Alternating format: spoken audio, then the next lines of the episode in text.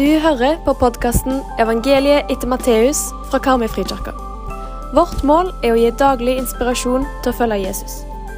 Da er vi kommet til 22. januar, og vi skal lese fra Matteus 10, vers 16-31. Sjå, jeg sender dere ut som sauer mellom ulver. Vær listige som ormer og uskyldige som duer.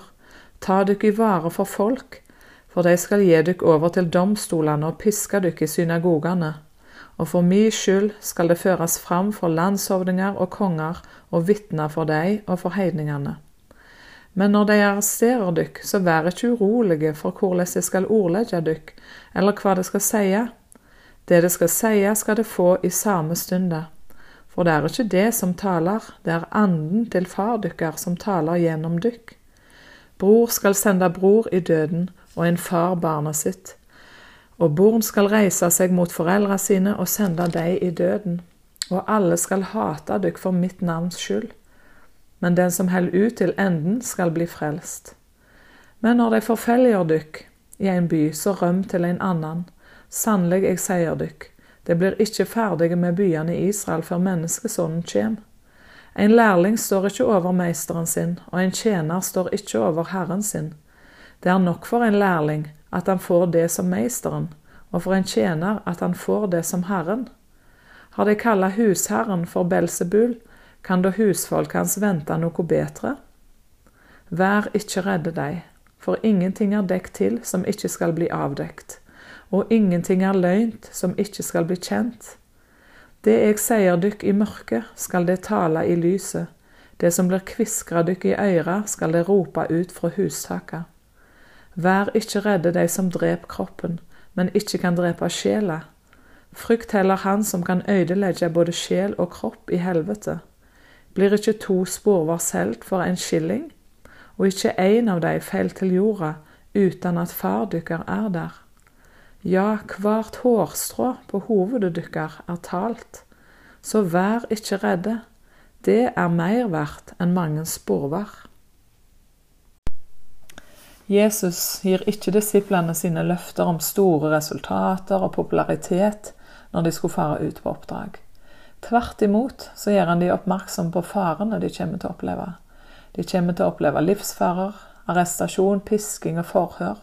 Dette kommer ikke til å bli noen dans på roser. Han sier det for at de skal ta seg i vare for folk, og at de skal gå videre hvis de blir forfulgt i én by. De blir nemlig sendt ut som sauer blant ulver, sier Jesus. Det er ganske crazy. Ei sau har jo ikke kjangs mot en ulv. Det har vi sett nok av her i nyhetene i Norge. Sauer har ikke noe å forsvare seg med. De springer dumt, og de springer seint.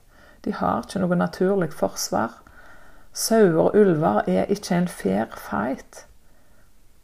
Hva kan vi lære av dette med sauer og ulver med tanke på de som vi er sendt til? Kanskje vår tilnærming til de som ikke tror så mye, og vår tilnærming til det å forandre samfunnet, ikke er den mest effektive måten som vi har tenkt. Sauer er ikke angripende dyr. De bruker ikke sin makt til å, overvinne. De jakter ikke. Hvis vi tenker på disiplene, hva skjedde med de videre? Disiplene kjente godt til det med å være under press og bli misforstått og bli sett på som revolusjonære og opprørske. Noen folk tok jo imot det de kom med, men mange avviste de og det de hadde å komme med. De fleste disiplene døde som martyrer. Peter ble korsfesta opp ned. Jakob ble slengt ut forbi murene i Jerusalem. Paulus ble halshogd. Likevel så hadde evangeliet framgang, og det spredte seg vidt omkring. Hva med oss, da?